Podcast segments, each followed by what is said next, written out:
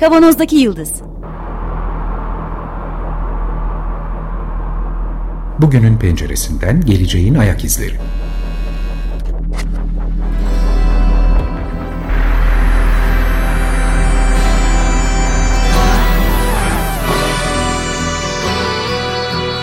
Hazırlayan ve sunanlar İsmail Başöz, Haluk Levent, Mustafa Yılmazer ve Fethiye Erbil.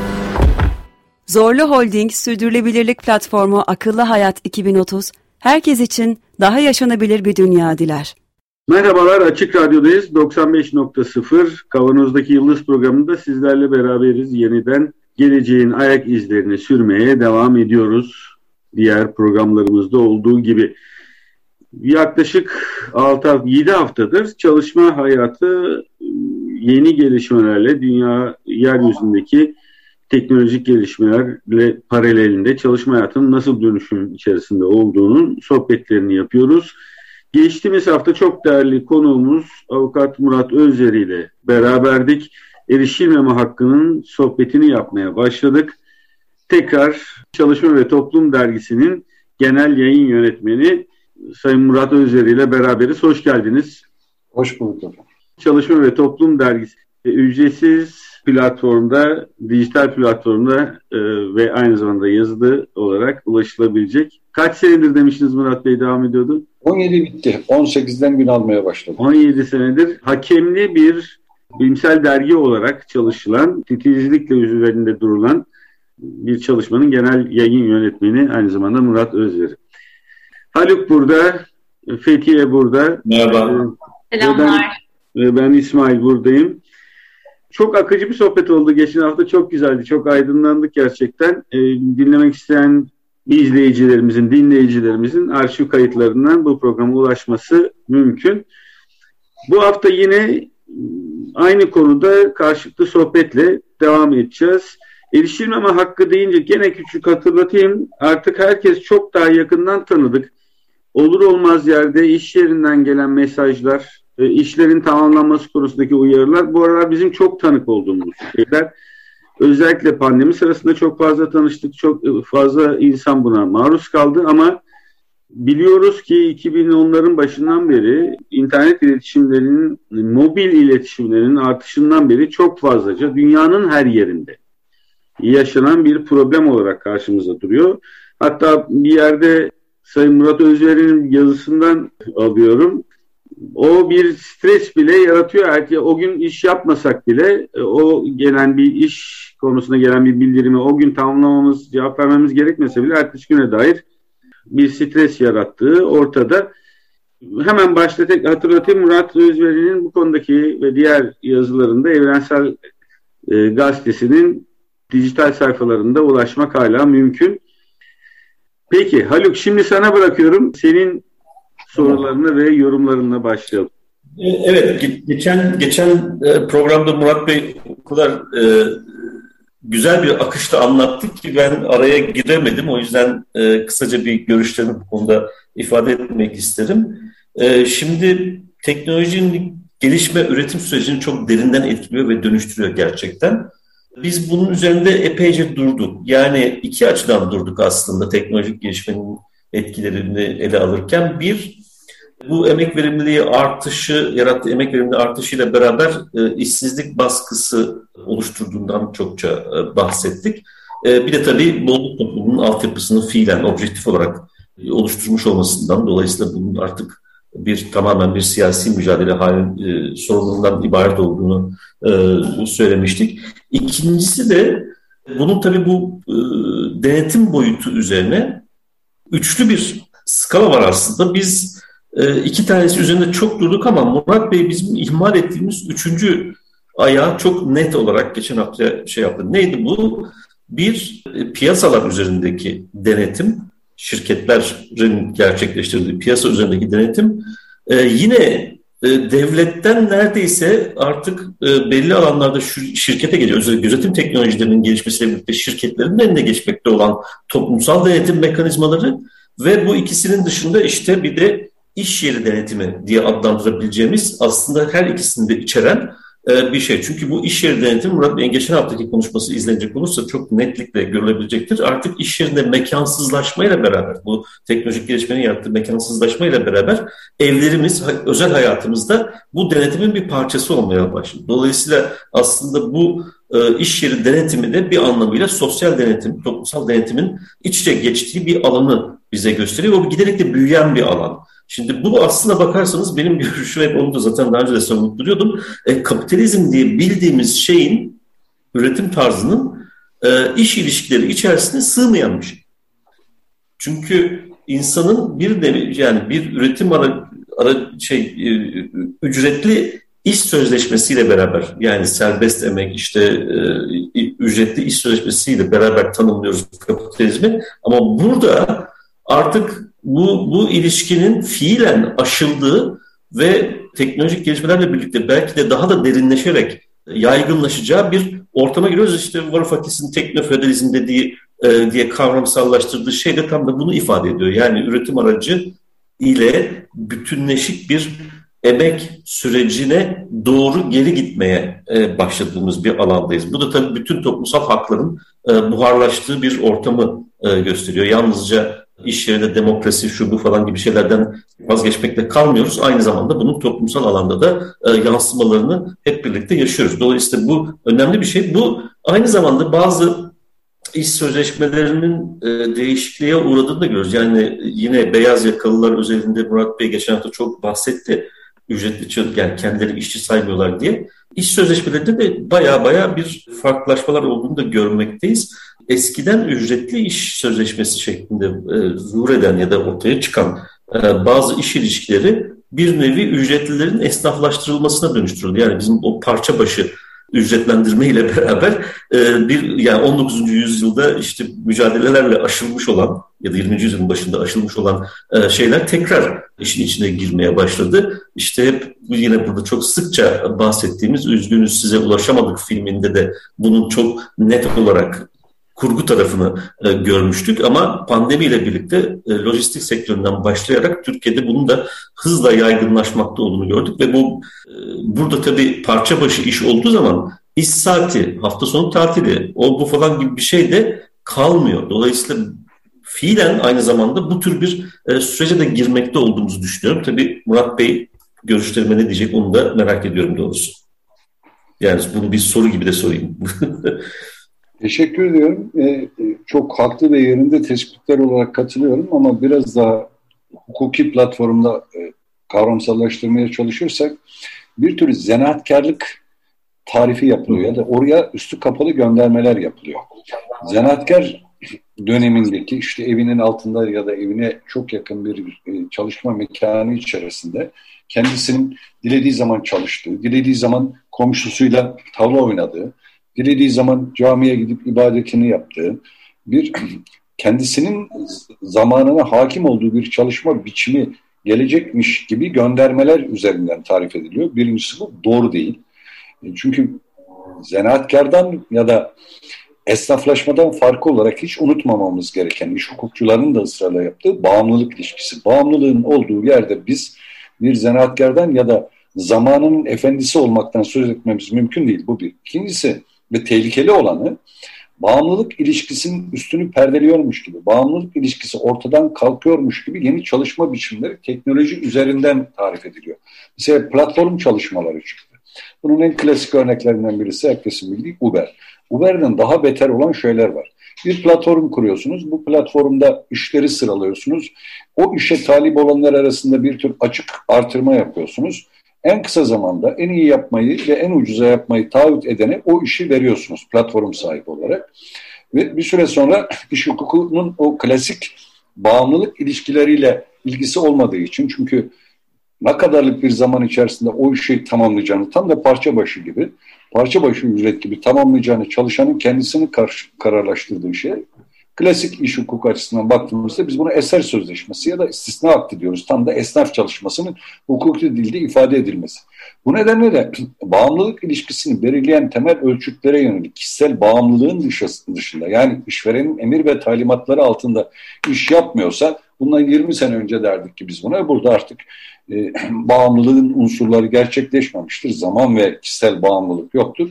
Dolayısıyla aradaki ilişkide iş sözleşmesi değildir diyor. Ama şimdi bu bağımlılık yoktur diyemeyeceğimiz yeni bir bağımlılık türü çıktı ve bağımlılığın tarifine bir unsur daha ekliyoruz artık. Ekonomik bağımlılık. Şimdi ekonomik bağımlılık ücret ilişkisi içerisinde zaten vardı. Ancak buradaki ekonomik bağımlılığı çalışma karşılığında alınan ücret ve o ücreti işverenden almak zorunda kalması üzerinden tarif etmiyoruz. Eğer o platformun sahibinin dışında ben o mesleki faaliyeti bir başka alanda yapamıyor isem, eğer o platform sahibi bana iş vermediği andan itibaren işim ne olursa olsun ben piyasada iş bulamıyor isem işte bu ekonomik bağımlılıktır ve tıpkı iş sözleşmesinde olduğu gibi bağımlılık ilişkisini tarif eden önemli bir unsurdur diyen yeni iş hukukçuları çıktı. Yani bağımlılıktan kaçış Levent Hoca'nın çok yerinde olarak söylediği klasik iş sözleşmelerinden kaçış ki bu kaçışın nedeni de sorumluluktan kaçıştır. İş sözleşmesinde işverene karşılıklı yüklenen bir takım hukuki yükümlülükler var. İşte gözetim borcu, e, işçinin sağlığını koruma borcu, iş organizasyonu yaparken işçinin fiziksel, ruhsal, sosyal iyilik haline zarar verebilecek her türlü etkini çalışma ortamından kaldırma, aksine bir durum olduğu zaman tazminat ya da cezai sorumluluklarla, idari yaptırımlarla karşılaşmaya dönelik tüm bu işveren yükümlülüklerinin merkezinde yer alan klasik iş sözleşmelerinden kaçarak ben klasik yine iş hukukçularının söylediği anahtar teslim iş veriyorum. Dolayısıyla işi nasıl yapacağını, ne yapacağı beni ilgilendirmiyor diye demeye çalışan bir yeni iş ilişkileri tarif ediyor. Bunun sadece işçinin hayat standartıyla ilgili değil, geleceğini de doğrudan ilgilendiren bir durum söz konusu. Çünkü sosyal güvenlik hukuku onu da çok yakından ilgilendiriyor. Birinde kendi nam ve hesabına çalışan oluyor. Şimdi siz kendi nam ve hesabına çalışan olduğunuz andan itibaren emekli olmak için 9 bin prim gününü doldurmuş olmanız lazım. Üstelik de primleri kendi cebinizden yatırmanız lazım. Yani sosyal güvenliği, o riski sizin kendi cebinizden satın almanız gerekir ki bu sosyal güvenlik alanına kadar gidiyor. Bakın bunun en tipik, görünmeyen çarpıcı örneği uzman doktorlara yönelik 5510 sayılı yasaya ek 10. maddede getirilen bir düzenlemeyle yapılmıştır uzman doktorlar, üniversitelerin dışındaki özel hastanede çalışan doktorlar bağımlılığın tüm unsurlarını taşıyor olmalarına rağmen bir hastane grubu, çok büyük bir hastane grubu bir sağlık müteahhitliği denilen Amerika'daki bir sistemi ithal etti. Dedi ki hekim şu saatte gelecek, şu saatte gidecek, şunları şunları yapacak ama hekimle benim ilişkimiz ne vaktidir, eser sözleşmesidir, hekim bana makbuz kesecek, ben o hizmeti satın alacağım demiş. Hatta iş öyle bir noktaya geldi ki şu anda biz farkında değiliz. Çok büyük ölçüde özel hastaneler bir platform çalışmasına dönüştü. Hekimi getiriyor. Hekimle hastayı bir fiziki mekanda karşılaştırıyor. Hekim SGK ile kendisi anlaşma yapıyor yapabilirse. O anlaşma üzerinden gidiyor. Kendisi sadece o platformu sağlıyor. Hekim de hastaneye makbuz kesiyor. Yani kendi nam ve hesabına çalışıyor. Bunun yasal karşılığını da ek 10. maddede dediler ki açıkça aksi kararlaştırılmamışsa hekimle hastane arasındaki sözleşmede kendi nam ve hesabına çalışanlar olarak kabul edilir deniliyor. Hekimler kendi sigorta primlerini yatırmak zorunda kalıyorlar. Şimdi bir diğer tehlikeli nokta evde çalışmada ya da uzaktan çalışmaya ilişkin yönetmelikte örneğini gördük. İş hukukunda yedek hukuk kuralları diye bir şey olmaz. Yani taraflar aksini kararlaştırılmadığı durumda devreye giren hukuk kuralları iş hukukunda çok istisnadır ve olmaması gerekir. Biz bunlara tarafların bir konuda uzlaşmadığı ya da açıkça belirlemedikleri durumda devreye giren hukuk kurallarına gerek hukuk kuralları deriz. Ticaret hukukunda çok sık görülür, e, başka alanlarda çok sık görülür ama iş hukukunda görülmez. Çünkü iş hukukunda taraflar kararlaştırısı dediğiniz andan itibaren bu işverenin tek taraflı dayatmasına hukuki gerekçe üretiyorsunuz demektir. Ta sözleşme özgürlüğüne e, Adam Smith'in itirazına kadar. Adam Smith diyor ki bir işçi en fazla bir hafta ben iş almam diyebilir. Bir hafta sonra açtır. Burada sözleşme özgürlüğünden söz edemezsiniz diyor mealen ki liberalizmi en çok savunan Smith dahil. Bunu söylediği koşullarda yedek hukuk kurallarına yer verilmemesi gerekir. İş hukukunda kural nispi ve mutlak emredici kurallardır. Yani siz en alt sınırı belirlersiniz evden çalışmada dersiniz ki evden çalışmada da haftalık çalışma süresi 45 saattir. Eğer işveren işin başlangıç saatini belirlememişse taraflar kararlaştırılmamışsa demezsin. Belirlememişse Örneğin ilk atılan e-postadan itibaren çalışma süresi başlar dersiniz. Son e-postaya kadar geçen tüm süre işçinin işi bekleyerek geçirdiği süreler dahil bunlar çalışma süresinden dersiniz. Net şeyler koyarsınız. Bunlara biz nispi emredici düzenlemeler diyoruz. Tehlike buradan geliyor. Nispi emredici düzenlemeler yavaş yavaş ayıklanırken yedek hukuk kurallarının hakim olduğu ki iş hukukun liberalleştirilmesi demiyorum bir sürece doğru gidiyoruz. Şimdi bakın ne var? Bir taraftan e, Ali Koca'nın haklı olarak söylediği gibi esnaflaştırma dedi o zanaatlaştırma diyelim kendi namma hesabına çalışıyormuş gibi bağımlılık ilişkisini perdeleyen bir iş organizasyonu teknolojinin olanıyla devreye sokuluyor. Buna bağlı bir dizi domino taşları gibi sosyal güvenlik alanına kadar yansıyan bir işvereni sorumluluktan kurtaran çalışanın kendi çalışmasını ve sosyal güvenliğini finanse etmek durumunda kaldığı ve bu finansmanın da bağımlı çalışmaya göre daha ağır bir yük getirdiği bir sürece doğru evrimleştirmeye çalışıyorlar. İş hukuk alanında tehlike yedek hukuk kurallarının hakim olması ve bağımlılığın klasik iş sözleşmesiyle sınırlı bir şekilde tarif edilmesinden kaynaklanıyor.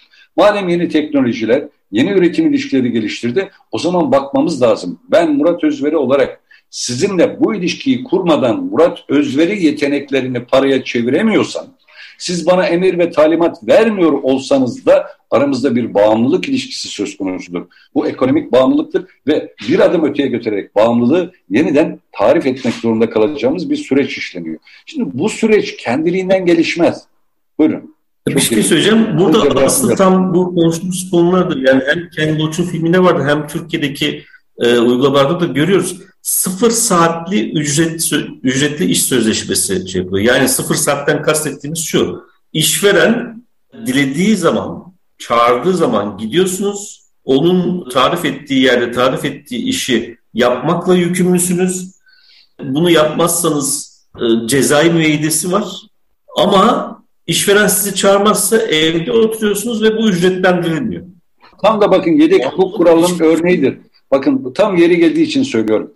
Normalde nispi emredici kural olursa der ki işveren çağırsa da çağırmasa da haftada bu ilişki kurulduğu andan itibaren haftada 30 saatlik ücretini öder dersiniz. Bu nispi emredici hükümdür. Eğer taraflar aksine kararlaştırılmamışsa çağırsa da çağırmasa da haftada 4 saatlik ücretini öder derseniz bu yedek hukuk kuralı haline gelir. Dolayısıyla bakın çağrı üzerine çalışma bizde düzenleniyor 14. 16. madde yanlış hatırlamıyorsam. Neyse madde numarasına takılmayalım 14 ya da 16. Tam da Haluk Bey'in söylediği anlamda düzenleniyor. Yani çağırmazsa ücret alamıyorsunuz. Oysa bağımlılık ilişkisinin özeli bu. Bakın çok 94'te kahvede iş bekleyen nakliyat şirketindeki hammal çağırdığı zaman giden hammala yönelik Türk İş Hukuku Öğretisi ve Yargıtay burada bağımlılık ilişkisinin olduğunu, bu hammalın iş sözleşmesiyle çalıştığının kabulü gerektiğini, sosyal güvenlik hukuku açısından da sigortalı sayılması gerektiğini, yani dört ağlı diyelim bugünkü ta tabirle iş sözleşmesine bağlı sigortalı sayılması gerektiğini ve tırda geçirdiği kazanın da bu anlamda iş kazası olduğuna karar vermişti 1994'te.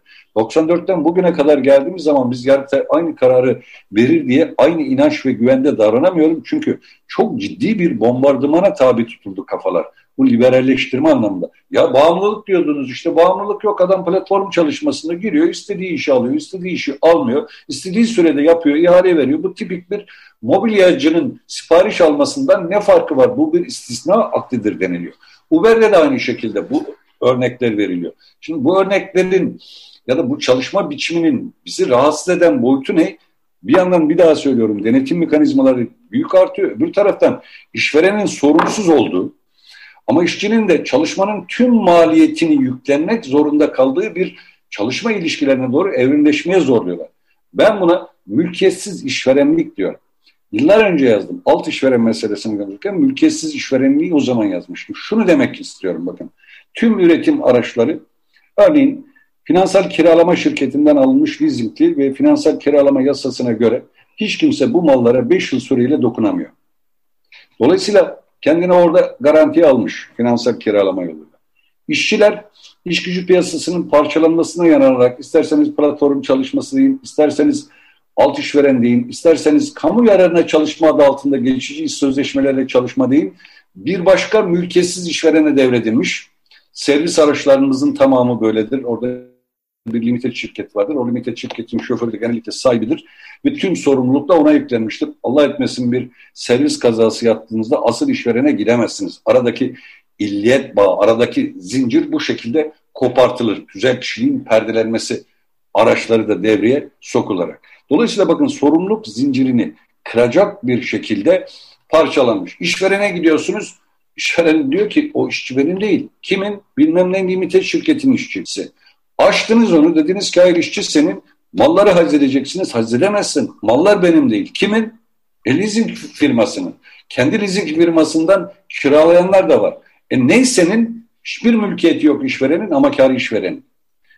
Çok üzücü bir durum bunlar için. Ya. İçim, yani. içim parçalandı birden. Bak mülkleri bile yokmuş adamların. Çok tehlikeli bir süreç bizi bekliyor. Eğer biz üretim sürecinin bu şekilde gidişine ben açıkçası e, tarih tekerrür edir, ediyor diye düşünüyorum. 19. yüzyılın sanayi devrimi sonrasındaki kutsanmış teknoloji, kutsanmış fabrika rejiminin işçiler açısından cezaevlerine dönmesi gibi bir süreci yaşıyoruz. Bu cezaevine dönüşe itiraz etmek lazım. Cezaevi metaforunu kullanmamın nedeni şu. Eğer siz bir fiziki mekanın ya da bir iş ilişkisinin içerisine girdiğiniz andan itibaren anayasanın, medeni kanunun, boşluğa kanunun, iş kanunun her neyse kanunların size verdiği hakları ve özgürlükleri o mekana ya da o ilişkiye girdiğiniz andan itibaren kurtaramıyorsanız kısıtlısınız demektir hukuk tabirle. Kimler kısıtlıdır? Akıl hastaları kısıtlıdır. Kimler kısıtlıdır? Mahkumlar kısıtlıdır.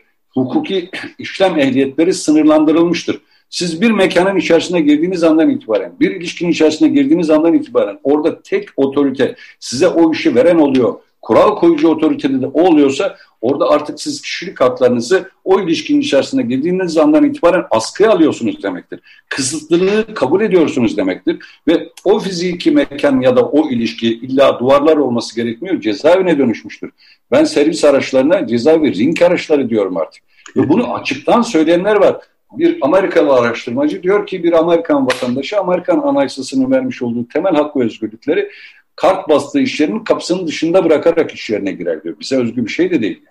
Bu vahim bir durum. Yani kölelikten beter bir sürece doğru gidiyor ve bu ilişkiye itiraz etmiyorum. Bir daha söylüyorum yine. Tabii ki bunun siyasal ayağı da var. Bunu asla yatsınıyorum ama emek mücadelesi açısından bu yeni bağımlılık ilişkisinin, yeni üretim ilişkilerini gören ve buna itiraz eden işte dijital sendika platformu gibi ki çok da geriden başlamak zorunda. Yani o platformu kuran işçiyi yürekten kutluyorum.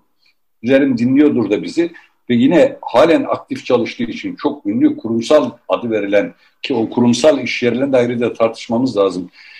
O kurumsallık sıfatı üzerinden hangi sömürü ilişkilerini nasıl meşrulaştırdıklarını da dilerim bir başka programda konuşuruz. O kurumsal bir iş yerinde çalışıyor.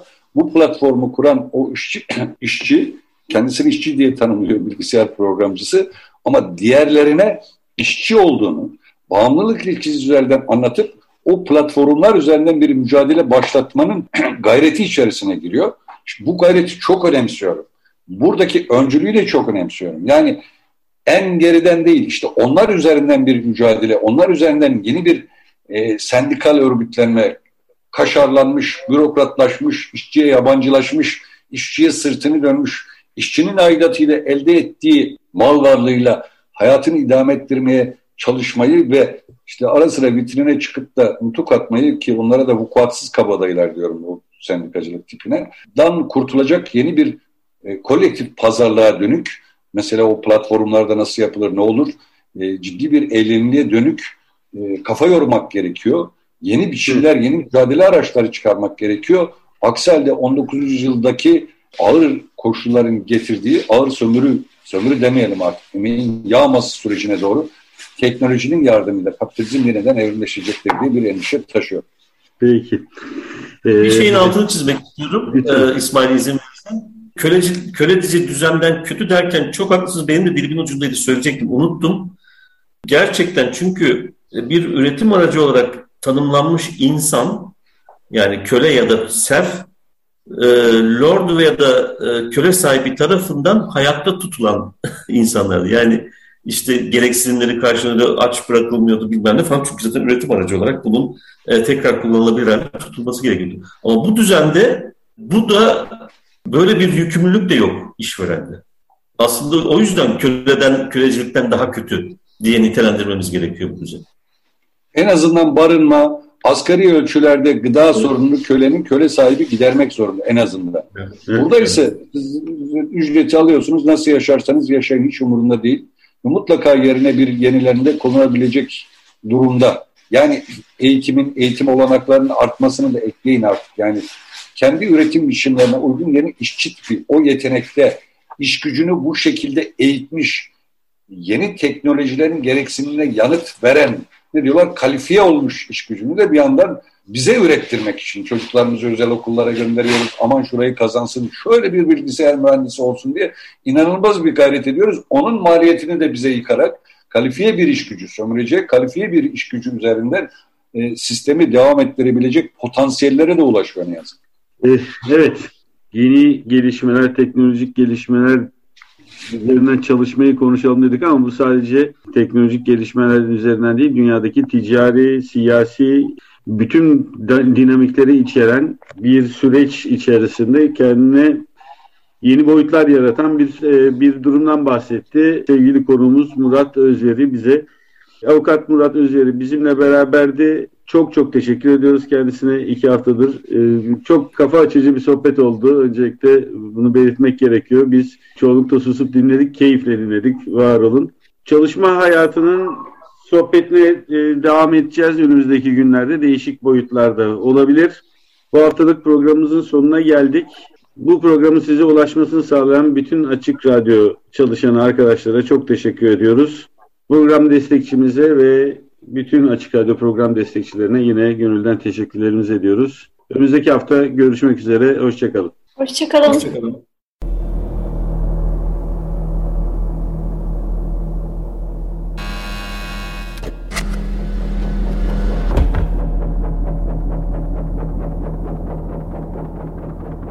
Kavanozdaki Yıldız Bugünün penceresinden geleceğin ayak izleri.